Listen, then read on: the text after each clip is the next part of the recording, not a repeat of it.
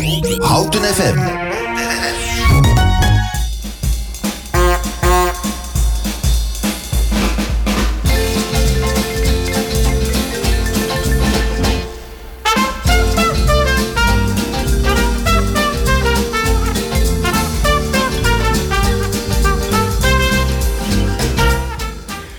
Hartelijk welkom bij het tweede uur van Welzijn Houten van woensdag 1 maart alweer. Wat gaat de tijd toch snel? Uh, we hebben het eerste uur er al op zitten. Daarin hadden we te gast uh, Inge Oelen, uh, bestuursvoorzitter van Vectio. En dat is van de katholieke basisscholen hier in Houten en een paar in Bunnik. En we gaan in dit uur gewoon verder met Inge, want we hebben nog wat vragen open liggen voor de, uh, de pauze van de nieuwsberichten en ja, ik word even afgeleid door een telefoon die nog aanstaat. Ik hoop niet dat het ernstig nieuws is. Nee, ik krijg gelukkig een seintje dat het uh, niet ernstig is. Um, en dan ben ik natuurlijk meteen mijn draad kwijt. Hè. Dan ga ik uwen. Maar dat Voor is, de eh, pauze hadden we het over 10-14 onderwijs. Volgens mij wilde je daar Dat klopt, ja. We gaan verder met het 10-14 onderwijs. 10-14 onderwijs, wat ik van jou begrepen heb... is een soort van uitstellen wanneer de keuze gemaakt moet worden... wat wil een kind verder met zijn of haar leven. Um, in het buitenland zijn basisscholen vaak tot hun tiende en dan heb je een soort tussenschool. Is dat te vergelijken dan met de high school?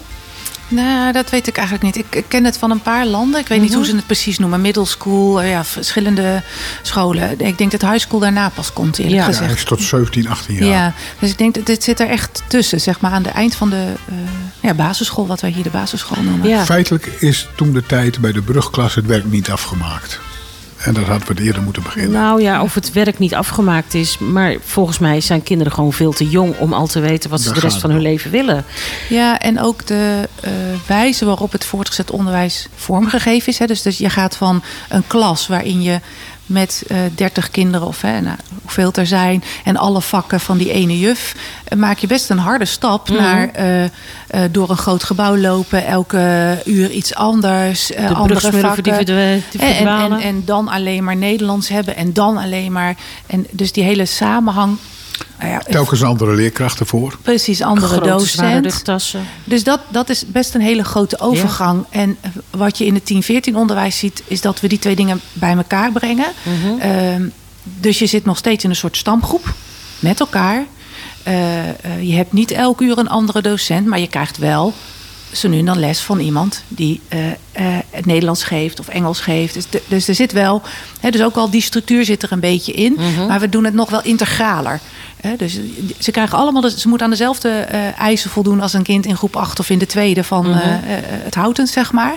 Dus dat krijg je allemaal. Alleen is de, de, de vorm waarin we het uh, aanbrengen is anders. Dus meer vanuit die groep nog zoals je dat op de basisschool kent. Dus wat, wat vriendelijker, wat rustiger, wat vloeiender overgang. Vloeiende overgang en gaat heel erg uit van wat wil jij zelf ook leren. En wat heb jij zelf ook te leren voordat je die stap kan maken naar nou ja, het vervolgonderwijs. Ja. En, en is dit uh, uh, 10, 14 onderwijs voor alle leerlingen van de basisschool in Houten?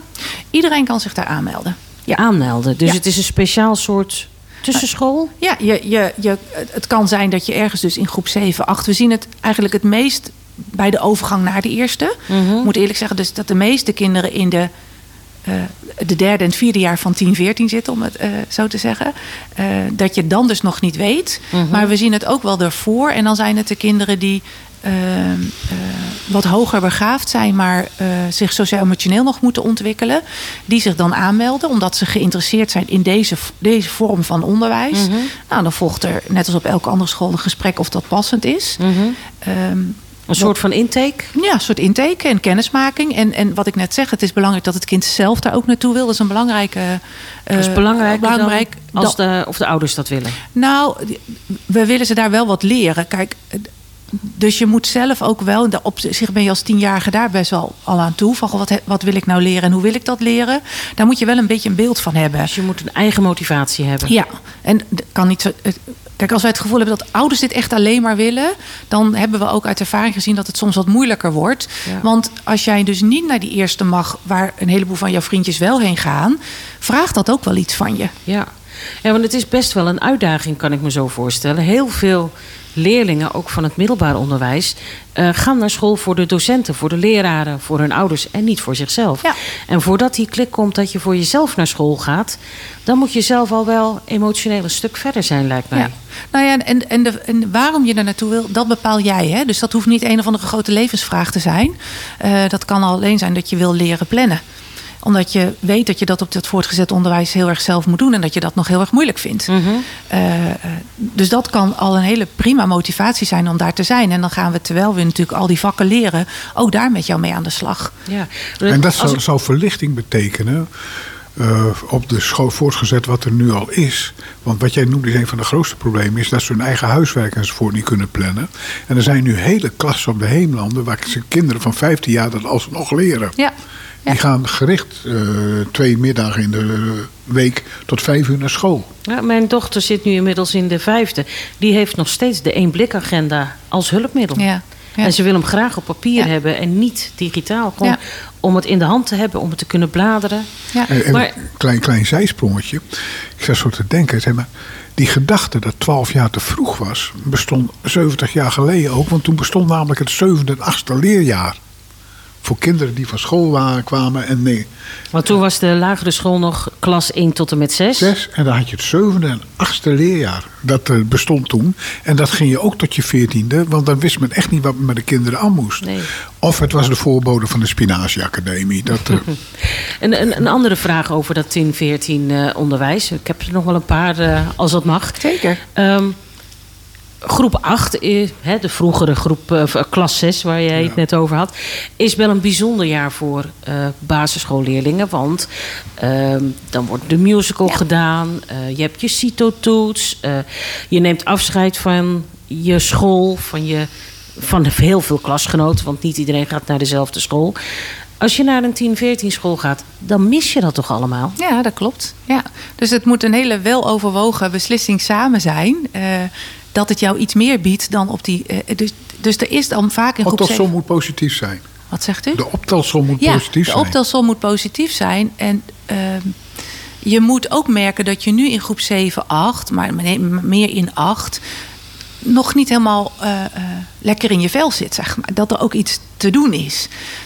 Um, met die verstande dat het wel gewoon regulier onderwijs is. Dus het is mhm. iets anders dan hè, het speciale basisonderwijs. Uh, nee, dat mis je inderdaad. Dus het is, dat is niet een makkelijke beslissing die ook niet licht genomen wordt door ouders en uh, school. Mhm. Maar toch in sommige gevallen heel goed uitpakt. En uh, ja, dat, dat is het mooiste visitekaartje wat je natuurlijk nu na drie jaar hebt. Ja. Is dat je kan laten zien, of de kinderen zelf, hè, want dat, dat gebeurt bij 10, 14. Bij rondleidingen vertellen zij het zelf mhm. aan kinderen en aan ouders. Ja, als je ziet wat het je kan brengen ja, dan is dat een soort het offer wat je er uh, misschien wel voor, over, over, over hebt. Ja. Waar zit de 10, 14 school? Dat was mijn vraag ook. Je zit in de Heemlanden. Want wij doen dat samen met de Heemlanden. En uh, eerst was het een heel klein stukje, want we zijn klein begonnen. Maar inmiddels is het, uh, zitten er meer dan 100 kinderen op uh, 10, 14. Dat is een heleboel. En, ja, de, die zitten in een gedeelte van, van de Heemlanden. En dat is dus met leraren van de basisschool en docenten van Klopt. de Heemlanden. En dan krijgen ze een geïntegreerd uh, ja. schoolaanbod. Ja, ja klopt. Ja. En je vertelde net van, het zijn vaak de wat uh, hoogintelligentere kinderen die daar naartoe gaan, die nog niet sociaal-emotioneel aan toe zijn om de keuzes te maken van welke opleiding ga ik doen. Um, betekent dat dat ze daar dan ook meer lesaanbod kunnen krijgen wat ze nodig hebben? Dat ze een hoger niveau krijgen? Nou, ik moet dat iets nuanceren, want dan heb ik dat niet goed gezegd. Dat zie je vooral bij groep 7, 8. Mm dat, dat, het, want er komen alle kinderen, van VMBO tot gymnasium. Alle kinderen want komen wij maken daar, komen in dat 10, 14. Iedereen kan zich daar ook voor aanmelden. Mm Ze krijgen ook op hun niveau onderwijs. Dus je, je wordt er niet beter of slechter van, zeg maar. Wat we wel zien is dat die kinderen zich sterk ontwikkelen. En nu is afgelopen jaar voor het eerst zijn de kinderen doorgestroomd naar het reguliere. Dus naar de derde van het voortgezet onderwijs. Mhm. Nou, dat kan, kunnen alle scholen in Houten zijn. Maar, hè, dus dat kan het Houten zijn, de, de scholen van Juverta, de scholen, de Heemlanden. Maar er kunnen ook scholen buiten Houten zijn. Dat is niet voorbestemd op de Heemlanden bijvoorbeeld. Mhm. uh, we zien wel dat kinderen allemaal nou, om dan maar weer de, de wat lastige termen hoger en lager te gebruiken. In ieder geval een, een, een passender uitstroomprofiel hebben, wat vaak wat hoger uitvalt dan dat we ooit aan het begin dachten. Denk dat is absoluut niet het doel, maar is meer de constatering. ja. Ja. en doen de kinderen op de 10, 14 uh, opleiding ook een soort van examen? Want in eh, groep 8 moet iedereen de CITO-toets afnemen. Ja, geldt ook voor die kinderen. Ja. Dus in het tweede jaar van die 10, 14 wordt de CITO-toets net zo afgenomen. En, en een soort van eindexamen in? Nee, want je gaat gewoon van de tweede naar de derde. Dat doe je ook als je op een gewone uh, voortgezet onderwijsschool zit, geen examen. Maar je hebt wel alle uh, kennis gekregen die normaal gesproken in de eerste twee leerjaren aangeboden worden. Dus je kan, als het goed is, en dat zijn we nu aan het volgen, omdat het nu voor het eerst natuurlijk is dat die mhm. kinderen in de derde zitten, dat, dat dat ook soepel verloopt. Want het laatste wat je wil, is die overgang die ik net zei van groep 8 naar de eerste is groot. Je wil niet twee keer zo'n grote overgang hebben voor kinderen. Ja. Dus je wil dat dat soepel verloopt en dat ze zich nou ja, gesterkt voelen in die derde. Ze, ze stromen in in de derde klas van het voortgezet onderwijs. Ja. Ze komen als tienjarige van uh, de basisschool. Kan, ja. ja. Als ze instromen in de derde klas, kan dat op allerlei scholen zijn. Ja. Dat betekent dat in die vier jaar zich toch bepaalde groepen moeten vormen die al richting een school gaat. Want niet iedereen kan je daar aanbieden wat het hoogste is. Ja. Want daar moet je al door hebben. Ja, je krijgt Jij gaat dit niet. Nee, wat ik bedoel. Ik snap heel goed wat je bedoelt, maar dat is een heel makkelijk antwoord. Want dat is de hele basisschool zo. In de basisschool zitten alle kinderen van alle niveaus bij elkaar. Dat trekken we alleen iets langer door. Dus dat, dat kan prima. Dus, maar het is zo dat op dat moment degene die naar zeg maar, het VWO gaat, die heeft de bagage genoeg. En die naar, de, uh, ja, het, naar het houters gaat, die heeft ook ja, zijn die heeft ook bagage. maar dat is nu in groep 8 ook. In groep 8 zitten ook de kinderen die de bagage hebben om op dat gymnasium terecht te kunnen. Ze stromen nu al in op derde klas dat mensen daarin gevormd zijn. Oh, ja, zo bedoel je het. Ja, ja, ja? dat klopt. De, uh, kijk, in 7, 8 gebeurt er hetzelfde ja, in een iets andere context, omdat ze natuurlijk met mhm. andere kinderen zitten. Maar gebeuren de vaardigheden die je ook op een basisschool leert.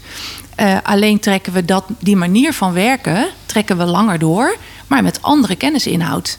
Namelijk dat van het voortgezet onderwijs.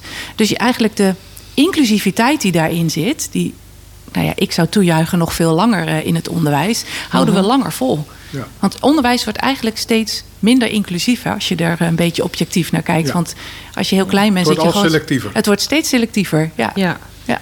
En uh, nou, je had het er ook over dat de stap van basisschool naar uh, middelbare school voor kinderen soms een hele grote stap is. Maar als je uh, het vierde jaar van die 10, 14 hebt gehad en je stroomt in in het reguliere voortgezet onderwijs.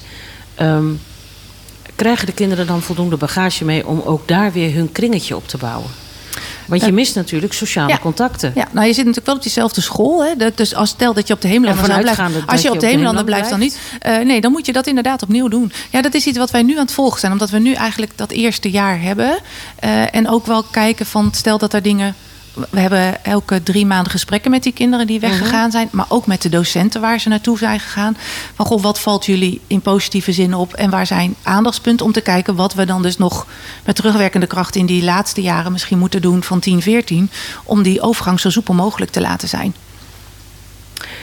Ja, het is interessante kost. Ik denk dat ik hier nog wel eventjes over door zou kunnen bomen. Maar ik denk dat we even naar de muziek moeten. En ik kijk weer even met een scheef oog naar mijn beeldscherm. I Love You Always and Forever van Donna Lewis.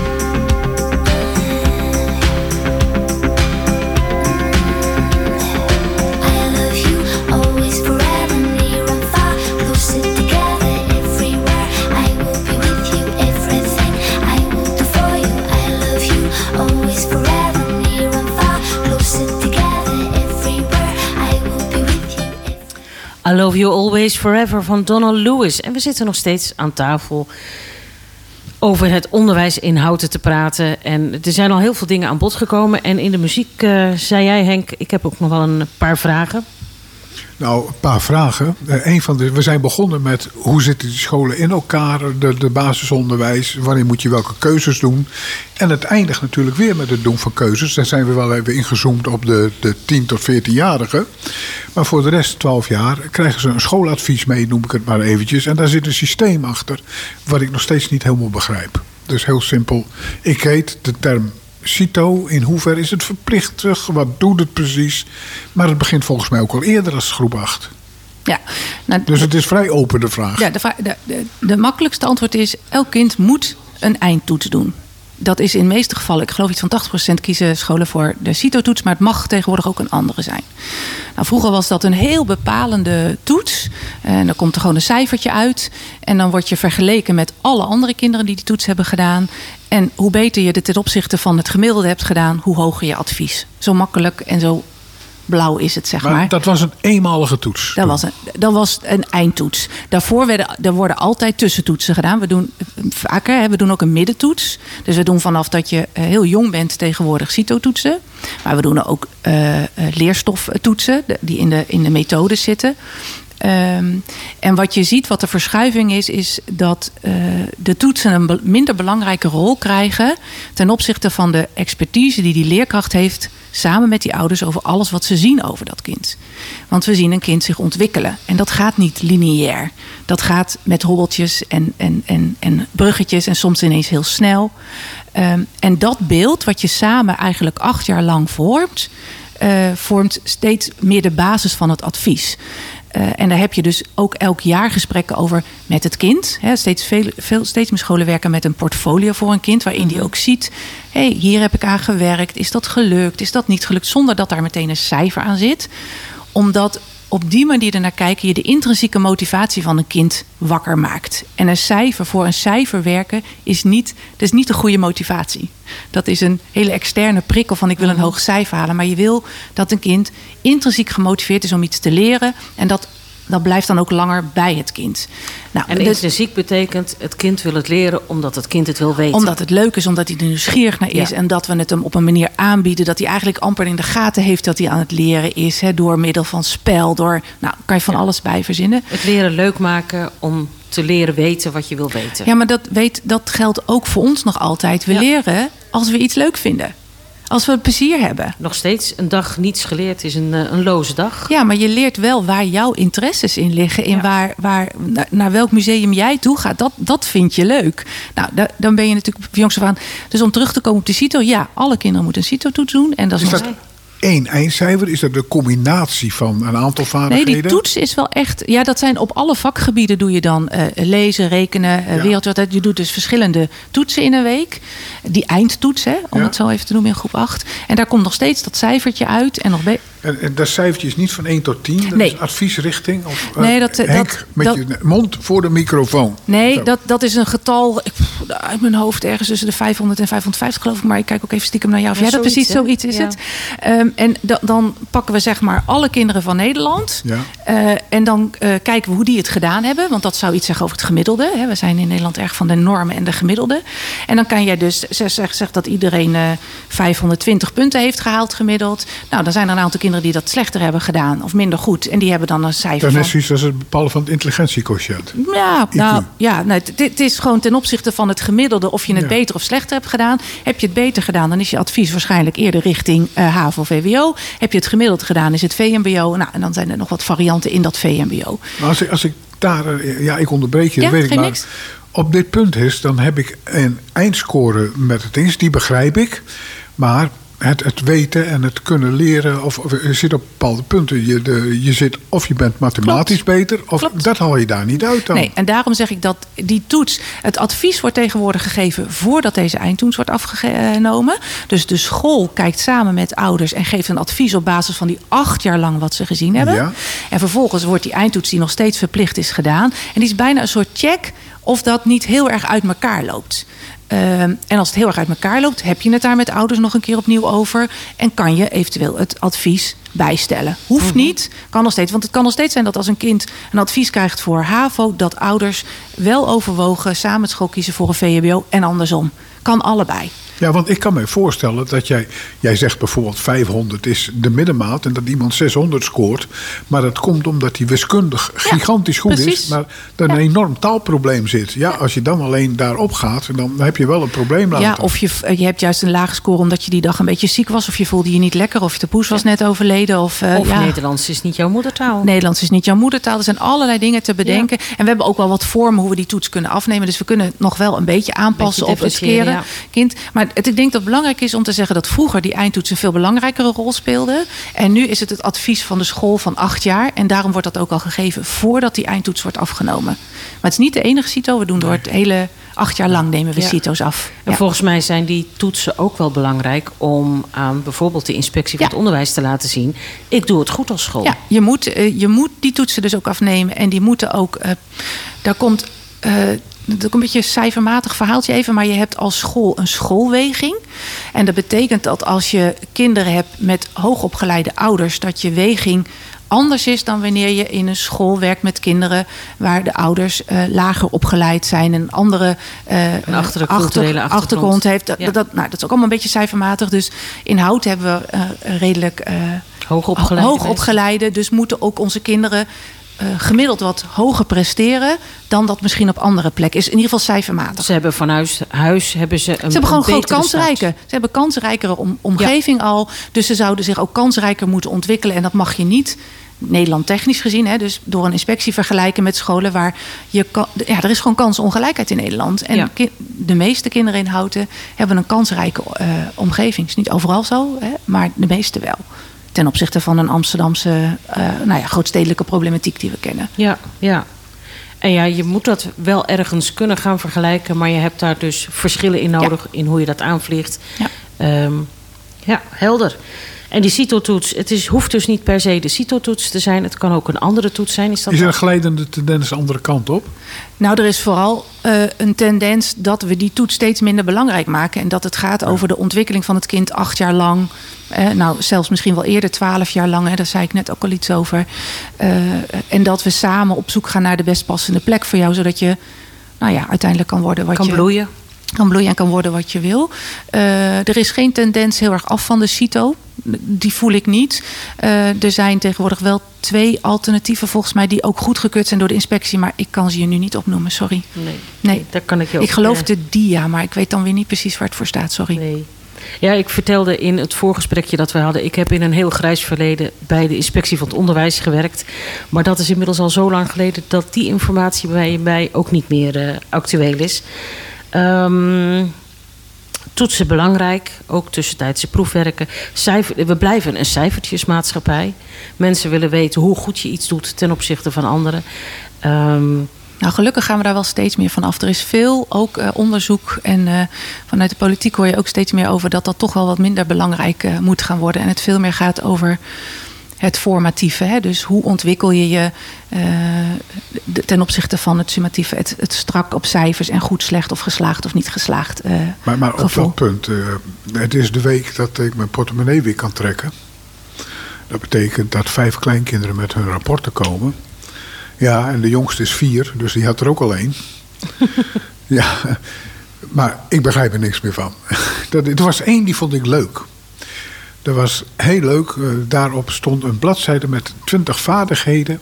En dan kon je een sticker op plakken en een krulletje krijgen of je die vaardigheid had. Ik zei, hier heb ik wat aan. Dat snap ik.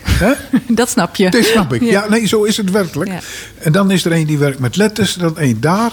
Maar feitelijk moeten ze allemaal hetzelfde doen. En het, ik vind wel, zijn dingen, vooral de eerste twee jaar, die ik wel leuk vind hoor. De ontwikkelingen van een kind om dat te lezen. Maar een rap, het geeft bij mij niet meer het gevoel van een rapport. Ja. Ja, hun wel, want ze staan klaar, opa. Kom maar. ja, ja. Weet je, uiteindelijk word je straks in de maatschappij ook afgerekend op wat je wel en niet kunt. Ja. En ja, ik denk dat het een beetje uh, de tijd is waar we in willen leven. Hè? Nou ja, je hoopt dat het steeds meer gaat over wie je bent en welke competenties je hebt. Hè, welke vaardigheden je hebt. En of, uh, of dat je heel erg goed bent in Nederlands of Engels. Hè, dus het gaat over je toepasbaarheid van je kennis. Die wordt denk ik steeds belangrijker. Dus ik denk dat, dat je ook wel een beweging ziet. Ook bij het solliciteren en zo. Dat dat diploma, tuurlijk is het er. Maar we kijken ook wel heel erg naar welke vaardigheden je hebt. En hoe je daar dan mee omgaat. Ik hoop dat dat doorzet, moet ik eerlijk zeggen. Want ik denk dat het uiteindelijk gaat over hoe je als mens bent. En hoe jij je competenties inzet. en hoe leergierig je bent. Dat was wel die boom met al die dingen. En ja, dat snap ik. En het, uh, nou ja, dat zegt, als je dat doorvertaalt gewoon naar een uh, middelbare school. Ja, van het Engels moet je ook 30 dingen weten. En iemand die er drie dingen van heeft, of iemand die er 30 van heeft, dat toont wel aan hoe goed je erin bent. In plaats van de acht op de vier krijgen. Ja. ja. ja. Um, ik stel voor om nog even naar de muziek te gaan. En in de pauze daarnet heb jij een mooi onderwerp aangesneden... dat we daar na de muziek weer mee verder gaan. En dat was de samenwerking tussen onderwijs en welzijn hier in de gemeente Houten. Dus we gaan eerst naar de muziek luisteren. Africa van Toto. En dan zijn we graag zo meteen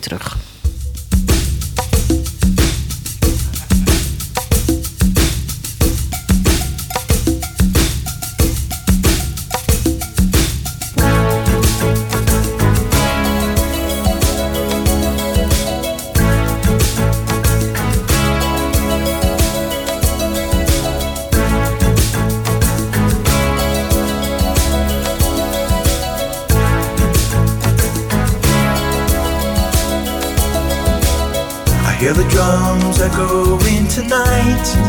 She hears only whispers of some quiet conversation. She's coming in 12:30 flight. The moonlit wings reflect the stars that guide me towards salvation. I stopped an old man along the way, hoping to find some old forgotten words or ancient melodies. He turned to me as if to say, Hurry, boy, it's waiting there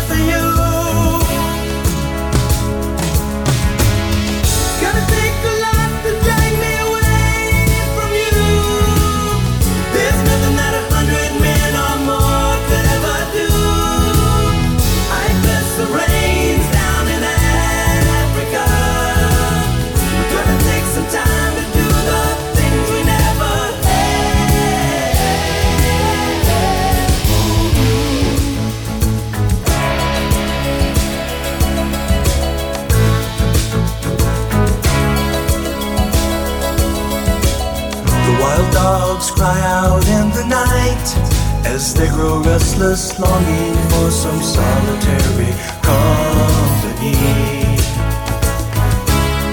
I know that I must do what's right, sure as Kilimanjaro rises like Olympus above the Serengeti.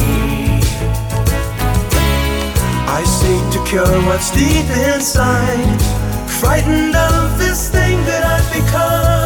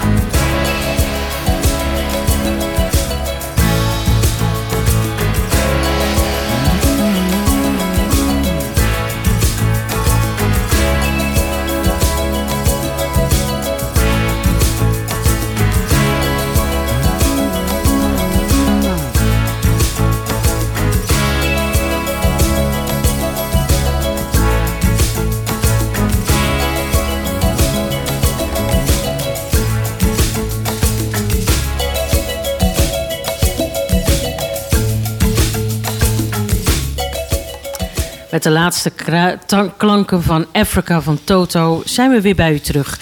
U heeft weer afgestemd op Welzijn Houten op woensdag 1 maart. En we zijn ook al het eerste uur en nu in het tweede uur in gesprek met Inge Oele. Zij is eh, bestuursvoorzitter van Vectio. En die gaan over de basisscholen eh, de Rooms-Katholieke basisscholen in Houten en een paar in Bunnik. En we hebben al een heleboel onderwerpen de revue laten passeren. Net voor de muziek was uh, de CITO-toets aan de beurt en de toetsing. En um, tijdens de nieuwsboodschappen en de reclameboodschappen zei je tegen mij. Ik wil ook nog wel wat vertellen over de samenwerking uh, tussen het onderwijs en welzijn in de gemeente Houten. Want dat is best interessant om te melden. Nou, is er een samenwerking tussen uh, onderwijs en welzijn en gemeente Houten? Jazeker, jazeker. Je moet even de microfoon wat dichterbij je zetten. Okay. Uh, zeker is die, uh, is die er. En uh, ik heb best wel op veel plekken al gewerkt. En sinds nou, een klein jaar nu dan in Houten. -hmm. en ik vind het hier heel mooi. Ik vind het hier gewoon goed. want naast de katholieke scholenstichting zijn er nog een heleboel andere stichtingen die basisonderwijs bieden in -hmm. Houten. Uh, nou, die, al die bestuurders komen sowieso eh, elke zes weken bij elkaar om uh, goed af te stemmen. En dat kan over hele praktische dingen gaan, namelijk dat we de vakanties gelijk laten lopen om het niet te ingewikkeld te zijn, maar ook over hele inhoudelijke. Dus we inspireren elkaar.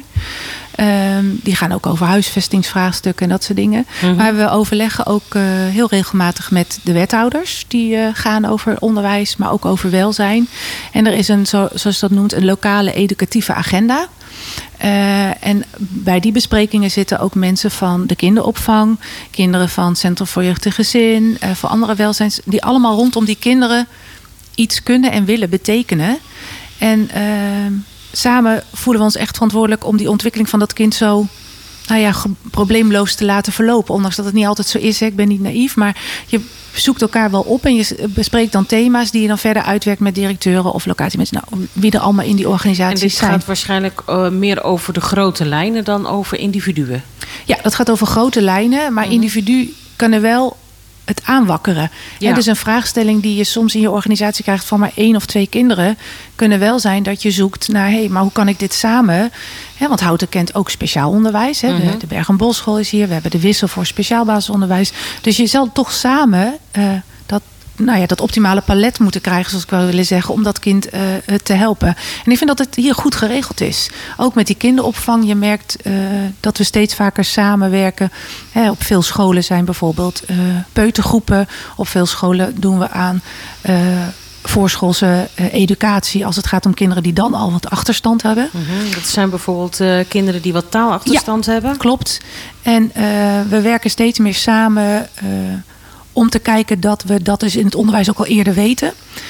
Want we weten dat hoe vroeger we een interventie doen, hè, dus extra hulp bieden, zeg maar, mm -hmm. wie dat dan ook doet, dat dat op de lange termijn de meeste effecten heeft. De kinderen en hun ontwikkelingen, met name neurologisch, loopt uh, al jong heel snel. En mm -hmm. uh, dan moeten we ook dan de hulp kunnen bieden. En dan gaan die overgangen ook makkelijker. Dus jullie zitten aan tafel met onder andere de kinderdagopvangen. Ja, kindinkopen. De, de, de, ook de, de particuliere opvang. Dus, ja. dus de, de, Kids Lodge, ja, alles. Iedereen. Nee, ik bedoel de, de, de moeder die thuis drie of vier kinderen opvangt. Niet als het niet bij een stichting is. Nee, die zitten daar niet bij. Nee, als ze zich niet vertegenwoordigd hebben via een nou, welzijnsorganisatie, zitten ze mm -hmm. daar niet aan tafel. Wel interessant oh, trouwens. Ja, ja. Uh, dus de, de, de kinderopvang, kinderdagopvang, uh, de voorschoolse opvang. Uh, Centrum voor Jeugd en Gezin. Naschoolse opvang, de basisscholen, Centrum voor Jeugd en Gezin. Voortgezet onderwijs. En ik neem aan dan ook Van Houten en Co. het ja. jongerenwerk. Ja, ja. en de wethouder. En ja. de wethouder. Namens de gemeente. Want we hebben allemaal iets te doen in dat stukje van dat kind en, en zijn gezin. En dit is dan specifiek van 0 tot 12, 13, 14 jaar? Nee, tot met uh, 16. Dus het is met inclusief voortgezet onderwijs. Inclusief voortgezet. Dus zeg maar een beetje tot 18. Ja, tot die uh, startkwalificatie. Ja, ja, dat is best een heel mooi breed, uh, ja, plek, ja. brede plek waar je met elkaar kunt afstemmen. Ja, ja zeker. Ja. Dus ik vind dat ook goed geregeld hier. Ja. We weten Kost heel veel overlegtijd, maar het levert wel heel veel rendement. Nou ja, als je uh, kijk, je, je core business is gewoon in je, in je dagelijkse werk, gewoon uh, in je eigen organisatie. Maar het is heel jammer als je een wiel gaat zitten uitvinden, als je het samen kan doen, of als iemand anders het al gedaan heeft. Dus het gaat vooral over het delen van kennis, herkennen van de vraagstukken en dan de juiste keuzes maken met elkaar. Uh, nu is het algemeen, en ik, dit is misschien te veel gevraagd op dit moment, maar zou je een item kunnen noemen wat, wat voorbij gekomen is? Dat wat, wat tastbaarder wordt? Uh, dat wat voorbij gekomen is, is bijvoorbeeld, uh, we hebben nu uh, vanuit de coronatijd zijn er door de overheid op verschillende plekken extra middelen beschikbaar gesteld. Ja. Voor het onderwijs, maar ook voor de gemeentes, ook voor de zorg. En we hebben. Ook voor de omroep. Ook voor de omroep. Nou, hey, mooi. en wij hebben er, of in hout hebben ze, want dat was natuurlijk voor mijn tijd, ervoor gekozen om een deel van dat geld te gebruiken om iemand van het Centrum voor het Jeugd en Gezin, dus maatschappelijk werk, op school te laten komen elke week of elke maand, dat hou ik me even te goede. Om al vroegtijdig met elkaar het gesprek te kunnen voeren over: hey, uh, is hier misschien iets aan de hand? Hebben ouders vragen? Heeft het kind vragen? Heeft de me uh, medewerker vragen? Om veel sneller die hulp, hè, waar we het net over hadden, die begeleiding te kunnen bieden. Nou, mhm. dat, is, dat wordt vanuit dat overleg ingezet. Die keuze wordt daar ook gemaakt om dat geld op die manier in te zetten. En nu zijn we dus bezig, want dat geld is, is tijdelijk. En nu zijn we met elkaar in gesprek. Hey, hoe kunnen we hier iets structureels van maken? Want we zien, er, we zien daar goede resultaten van. We merken gewoon dat het laagdrempelig is. Dat we kinderen sneller kunnen helpen. Ja, dat vind ik echt een hele mooie uitkomst van zo'n overleg. Dat kan ik me voorstellen. Maar er gaat gelijkertijd wel achter in mijn hoofd een klein alarmbelletje rinkelen. Want er zijn grote tekorten op de jeugdzorg. Eh, grote, grote wachttijden in de jeugdzorg. Uh, dus je kunt aan de voorkant wel heel veel signaleren en plannen maken. Maar als dat aan de achterkant nog niet goed geregeld is of niet goed gefinancierd is, doe je het dan eigenlijk voor niks? Nou, kijk, dit voorbeeld is natuurlijk iets nieuws. Hè? Dus dat maatschappelijk werk voor een uur op die scholen. Uh, uh, daarvan zijn we nu aan het kijken, kunnen we dat bestendigen? Mhm. Maar ik deel je mening dat er een groot vraagstuk is. Uh, op, op verschillende plekken en verschillende grootheden. Hè? Dus de wachttijden in de jeugdzorg, eh, de tekort aan personeel in de kinderopvang, maar ook bij op scholen langzamerhand. Mm Dus er zijn hele complexe vraagstukken die je daar niet zomaar even oplost. Maar je kan wel. Uh, dus je kan vooral benoemen wat er niet kan. Maar je mhm. kan ook met elkaar gaan zoeken: hé, hey, maar wat zouden we wel kunnen doordat we onze krachten verenigen? En moeten wij ook en dan wil ik niet het probleem in de jeugdzorg, want dat is echt gigantisch. Mhm. Eh, maar we kunnen wel met elkaar, bijvoorbeeld in het onderwijs en met uh, kinderopvang. Wat, nou, dat is misschien ook een mooi voorbeeld. Daar hebben we allebei grote vraagstukken rondom personeel. Maar je ziet dat soms, als je wat dieper op die materie ingaat, die problemen elkaar misschien kunnen oplossen. Want bij de kinderopvang hebben ze bijvoorbeeld voor de naschoolse opvang uh, pedagogisch medewerkers nodig. Dat is mhm. best lastig vinden, want dat is maar een beperkte werktijd. Je hebt, werkt eigenlijk altijd smiddags. Ja. Nou kan je niet een fulltime baan in hebben, vijf keer smiddags. En soms zijn er hele jonge mensen die dat wel heel graag zouden willen. Nou, als je nou onderwijsassistent bent, waar we het in het begin over hadden, heb je een beetje vergelijkbaar. Uh, diploma. In ieder geval hè, qua niveau. Nou, er zitten ook een heleboel haakjes aan. Maar nu zijn we aan het onderzoeken. Kunnen die mensen misschien smiddags op school werken en dan doorgaan in de BSO? Oh, dat zijn mooie oplossingen. En een gymdocent die bij nu bij mij op een aantal scholen werkt, werkt ook in de BSO. En die is alleen maar in de BSO komen werken, omdat hij ook bij mij op een paar scholen uh, gymdocent kon worden. Dus zo zoeken we elkaar nu op. En dan zijn de problemen heel groot. Die kunnen we misschien niet oplossen. Maar kleine stappen dus kunnen we wel zetten. Pragmatisch. Ja. En zoek naar wat wel kan. Zeg, en, en uh, eigenlijk sinds coronatijd uh, zijn, of, of, na coronatijd, zijn die mensen van het CEG, Centrum voor Jeugd en Gezin, op de basisscholen gekomen. Merken zij uh, dat ze andere problematieken blootleggen, andere uh, dingen ontdekken bij de kinderen dan voor corona? Nou, moet ik eerlijk zeggen dat ik dat antwoord niet weet, want zo heb ik het ze nooit gevraagd. Uh, ik wat ik vooral terughoor van de directeuren op de scholen ook. En wat ik in dat overleggen terughoorde, is dat we ze elkaar gewoon sneller weten te vinden. En dat dat heel, dat voelt heel fijn. En daar begint het natuurlijk bij. Helemaal in het begin hadden we het over een cultuur die je binnen, binnen die organisatie wil. En dat, als dus mensen zeggen, oh dat is heel fijn en dat helpt. Dan hoeft het niet meteen een concrete oplossing te zijn. Maar dat is wel de eerste stap. En daar, daar in die fase zitten we nu. Dus uh, dankzij dat geld, uh, de coronagelden. Merk je eerder dingen op waardoor je beter samen met elkaar ja. die goede start van dat kind kunt geven. Ja, dat was even op de vraag van, goh, kan je hem concreet maken? Hoe zo'n, ja, nee, want bestuurlijk overleg klinkt altijd allemaal uh, heel hoog over. Uh, uh, maar dit zijn wel mooie successen, denk ik, die daar ontstaan. Ja, want heel vaak uh, als je dit soort dingen hoort, dan denk je van nou, daar wordt wel heel veel aan tafel gezeten, er wordt heel veel overlegd. Maar ik hoor nu heel veel concrete dingen terugkomen. Dat is wel heel mooi. Ja, en, hele praktische dingen zoals de vakantie, wat ik in het begin zei, dat lijkt iets heel eenvoudigs. Maar mm dat is het lang niet altijd. Want je moet best wel veel scholen, ook in het voortgezet onderwijs, op elkaar afstemmen. En dan moet soms iemand water bij de wijn doen. Want wij willen dat ouders die een kind op de basisschool heeft in het voortgezet onderwijs, dezelfde meivakantie bijvoorbeeld hebben. Ja. Maar nu maakt me heel. Dat is toch landelijk geregeld? Dat de zogenaamde blauwe weken die zijn toch per regio ja, geregeld? Ja, je hebt vaste weken en je hebt keuzeweken. Ja. En het gaat met name over die ah. keuzeweken. De lengte van de paas- en pinkstervakanties ja. zijn nogal de verschil Ja, dat is het verschil. Nou, dat, is, dat is een heel mooi praktisch voorbeeld. Want volgend jaar uh, is de, de voorkeursweek uh, mag je ervoor of erna doen. Als je hem daarna doet, komen de kinderen van het voortgezet onderwijs op maandag school beginnen meteen het examen. Nou, dat vindt voortgezet onderwijs die een aantal zegt, ja, dan hebben we liever ervoor. Maar in uh, basisonderwijs leeft heel erg nee, je moet hem de week nadoen. Er is ook allemaal redenen voor. En dan moet iemand water bij de wijn doen. En dat, ja, dat leidt dan iets heel eenvoudigs. Maar uiteindelijk voor gezinnen is het heel belangrijk dat we, dat, nou, dat we tot een keus komen. En dat is weer gelukt. Dus, ja. Uh, ja. Dus dat is eigenlijk wel een groot deel van jouw werk. Het coördineren en het samenwerken tussen de directeuren van de verschillende scholen die onder Vexio vallen. Daarin de communicatie zijn richting gemeente, uh, Centrum Jeugd en Gezin. Uh, misschien ook voortgezet onderwijs. De Zeker. 10, 10, 14 scholen. Dus je bent eigenlijk zo'n beetje de spin in het web tussen het kind dat naar school gaat, de ouders die een kind aanmelden op een school, tot en met wat dat op, op, op beleidsniveau bedacht en gedaan wordt? Uh, nou, ik zou zelf niet de term spin in het web doen, want dat zou betekenen dat ik een hele belangrijke rol heb. En dat is niet zo. want de spin uh, die coördineert echt alles en komt alles ook via. En dat is niet zo.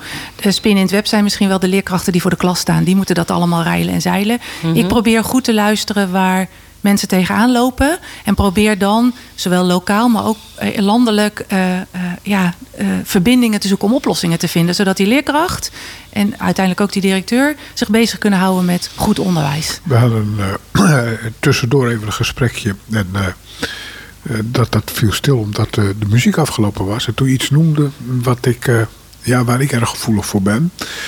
Dat is dat je zegt, we worden al meer geconfronteerd met alle regels en normen die opgesteld worden die uitgaan van uh, wantrouwen in plaats van vertrouwen. En waarbij een lichtje ging branden en ik denk, hé, hey, die herken ik. Je wordt altijd wel ergens besodemieter, maar als je daar de regels op gaat maken, ga je een heleboel mensen niet meer dat laten doen wat ze goed in zijn. Probeer dat in het werk te krijgen. Gewoon begin met vertrouwen te geven. Absoluut. En ja. uh, Begin met vertrouwen. Vertrouwen in het kind, vertrouwen in die ouder, vertrouwen in je medewerkers.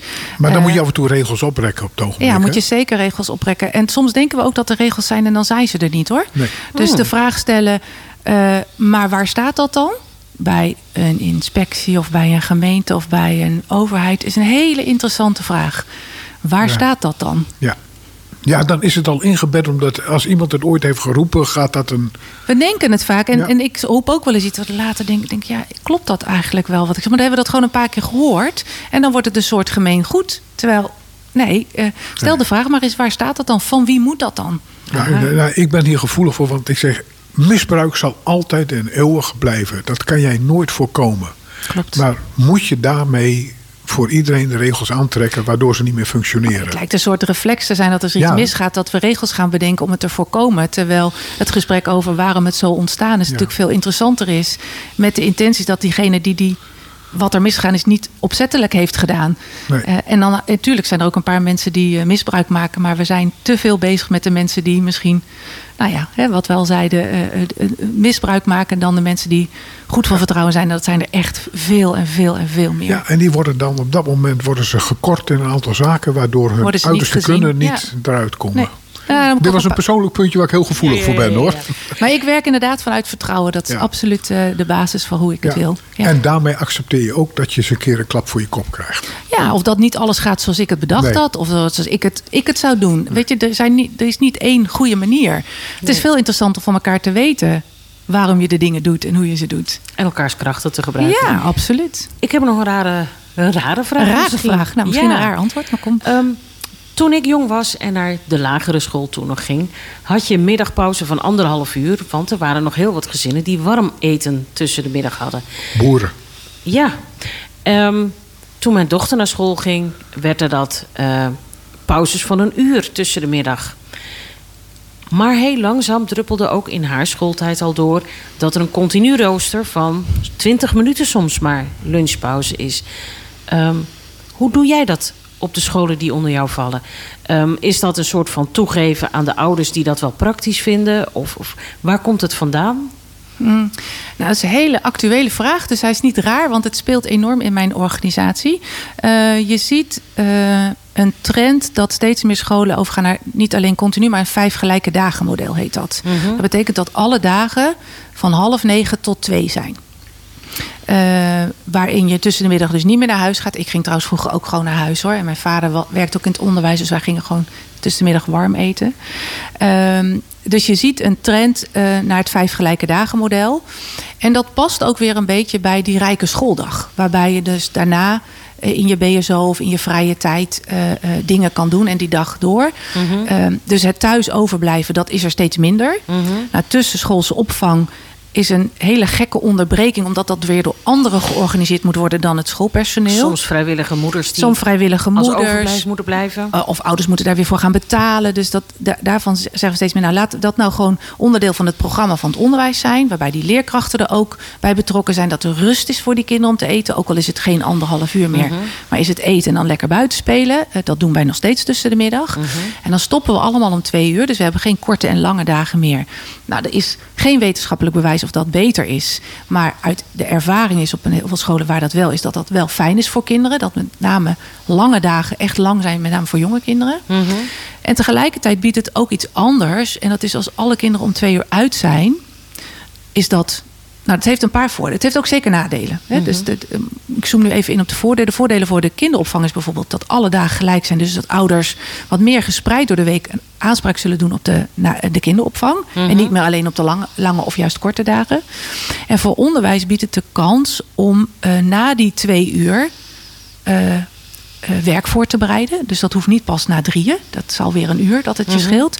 En ook met elkaar te professionaliseren. Dus over scholen heen. Als we allemaal op hetzelfde moment stoppen, kunnen we dus met elkaar. Dus de studiedagen in plaats van. Precies. En dan smiddags aan het werk. En dat ja. komt uiteindelijk weer te goede aan de kwaliteit van het onderwijs. Dus ja. het biedt rust voor en, kinderen en, en in de werkdruk voor medewerkers. En kinderen die het wel nodig hebben om even bij te komen. En nou, niet de anderhalf uur die in mijn jeugd was, maar zeg. Uh, 20 minuten om je boterham naar binnen te snavelen. Want dat kost bij sommige kinderen heel veel moeite. En dan even echt gewoon afkicken voordat ze verder gaan. Hoe ga je met die kinderen om? Nou, dat, dat is denk ik weer dezelfde 80-20 waar we het al meer over gehad hebben. Voor 80% van de kinderen is het gewoon prima. Gaat het heel goed. En er zijn kinderen die iets anders nodig hebben. Ja, dan bied je dat. En dan ga je niet naar huis. Hè, want mm -hmm. het feit dat je van uh, uh, half negen tot twee op school is, dat blijft gelijk. Maar je hoeft niet per se buiten te gaan spelen als jij het nodig hebt om op de zitzak een boekje te lezen in je pauze, dan doe je dat. Uh, uh, als je iets langer nodig hebt, of korter zelfs voor die boterham, is dat ook goed. Dus dat is ook daarin, uh, als we het maar weer over regels hebben. Ja, soms is een soort norm en een manier van werken handig. Maar daar waar het passend gemaakt moet worden, dan doen we dat. Even uh, een heel ander vraagje, maar dat is natuurlijk wel heel belangrijk. Uh, hoe ver is hout op het ogenblik eigenlijk in nood met de aanbieding van leerkrachten? Anders gezegd, hebben we hier ook veel tekort? Uh, nou, we hebben geen grootstedelijke problematiek, uh, maar we hebben wel nood. Uh, het lukt ons niet meer. nou, eigenlijk lukt het ons maar zelden om als de juf ziek is iemand anders er voor de klas te zetten. Dus de, de, de korte verzuim. Nou, dat lossen we nu nog wel met elkaar op. maar daarmee neemt de druk op de, nou ja, de overige leerkrachten toe. Uh, als we vacatures hebben, komen er maar een paar uh, sollicitanten op. Uh, dus ja, we merken het wel. Dus we denken al na over, ja, als dit een gegeven is. Want je kan wel heel hard roepen, nou, er moeten meer leerkrachten komen. Maar volgens mij roept elk vakgebied op dit moment, er moeten er meer komen. En er zijn er niet meer. Dus je moet ook nadenken over hoe kan ik het onderwijs vormgeven. Als ik echt daadwerkelijk met minder leerkrachten te maken heb. Zijn er dan andere professionals die kunnen helpen? Kan ik me uh, onderwijs anders organiseren. Dus daar worden veel uh, gesprekken en ook wel uh, experimenten op gedaan. Is dat ook onderdeel van die groep waar we het zo ja. straks over hadden? Ja. Want dan denk je dus na om een beroep te doen op mensen die niet van, van oorsprong leerkracht zijn. Ja. ja, zoals ik al eerder vertelde over de kunst- en cultuurmensen die kennis hebben, die dat kunnen brengen. kijk gastlessen krijgen. Gastlessen krijgen. Maar ja. als het dan in het normale patroon past, is dat wel winst. Ja, zeker. Zeker als dat toch is wat je moet leren. Ja. Ja. er zijn mooie voorbeelden ook in Nederland van die er al veel verder in zijn dan dat wij in Houten zijn. Hoor. Dus daar gaan wij ook wel kijken uh, om uh, inspiratie op te doen. Een stukje uitdaging. Uh, Zeker ligt er uitdaging voor ons allemaal. Ja. Zeg, de klok leert ons kennen dat ook dit tweede uur er inmiddels bijna voorbij is. Zijn er nou nog echt dingen die we niet aan jou gevraagd hebben waarvan je denkt, nou die moet ik nog eventjes kwijt? Nee, ik, ik, volgens mij kunnen we vier uur vol praten. Want ik heb ja, echt heel veel lol en plezier in mijn werk. Ik vind het hier een mooie omgeving. En nee, ik, ik, nee, ik heb niet iets wat ik echt nog had moeten nou, vertellen. Dan gaan we in de toekomst nog wel eens een keer een, een vervolg geven aan deze uitzending. We waarin we misschien ook dingen wel opnieuw weer hetzelfde vertellen. Maar... Ik bedenk me toch iets. Ja. Waar we het helemaal niet over hebben gehad, is dat we, en dat is ook uit de samenwerking van alle bestuurders in Houten gekomen voor primair onderwijs, is dat we sinds september een taalatelier hebben. En dat is eh, onderwijs voor nieuwkomers. En dat kan dus zijn uh, omdat uh, je expat bent, hè, uh, maar ook omdat je uit Oekraïne, Turkije, nou, je kan alle plekken bedenken. En dan krijg je in het eerste jaar, je zit op een, een school in Houten, dat kan elke school zijn. En drie dagen per week kom je naar het taalatelier om compleet ondergedompeld te worden in de Nederlandse taal en zo snel als mogelijk die taal je machtig te worden. En voor twee dagen ga je naar die andere, naar je moederschool, zou ik maar zeggen. En dat kan elke school zijn in Houten, om wel ook gelijk je vriendjes in de buurt te maken en daar toe te passen.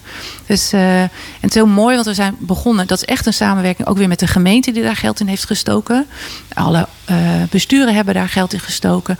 En we kregen al vrij snel de vraag of we ook voor gemeentes die buiten Houten zijn kinderen willen opvangen.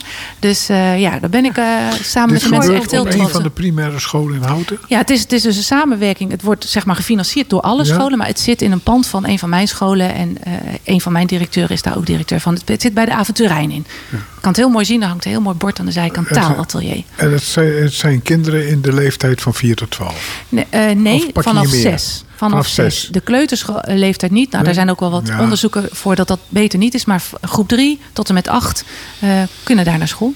Ik vind het een hele mooie uitsmijter. Uh, Inge, dank je wel voor uh, het delen van al jouw kennis en jouw bevlogenheid vooral. Want dat spreekt uit alles wat je ons vertelt. Dank je wel.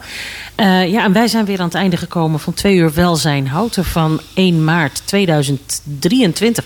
Ik uh, versprak me bijna, ik wilde bijna 22 zeggen. Ja, dan was je een jaar jonger geweest, hè? Het is allemaal wat. En nou, ja. ik moet nog jarig worden dit jaar, dus dan was ja. ik het grootste gedeelte wel dezelfde leeftijd. Ik uh, dank u voor het luisteren weer naar onze uitzending. Heeft u nog vragen of opmerkingen, mail ons dan naar welzijn.omroephouten.nl en we komen dan graag bij u daarop terug. U kunt ons ook mailen voor nieuwe onderwerpen in ons programma of als u eventueel het leuk uh, zou lijken om uh, bij ons team te komen. We hebben een gezellig team, maar we kunnen best nog wel wat handjes gebruiken.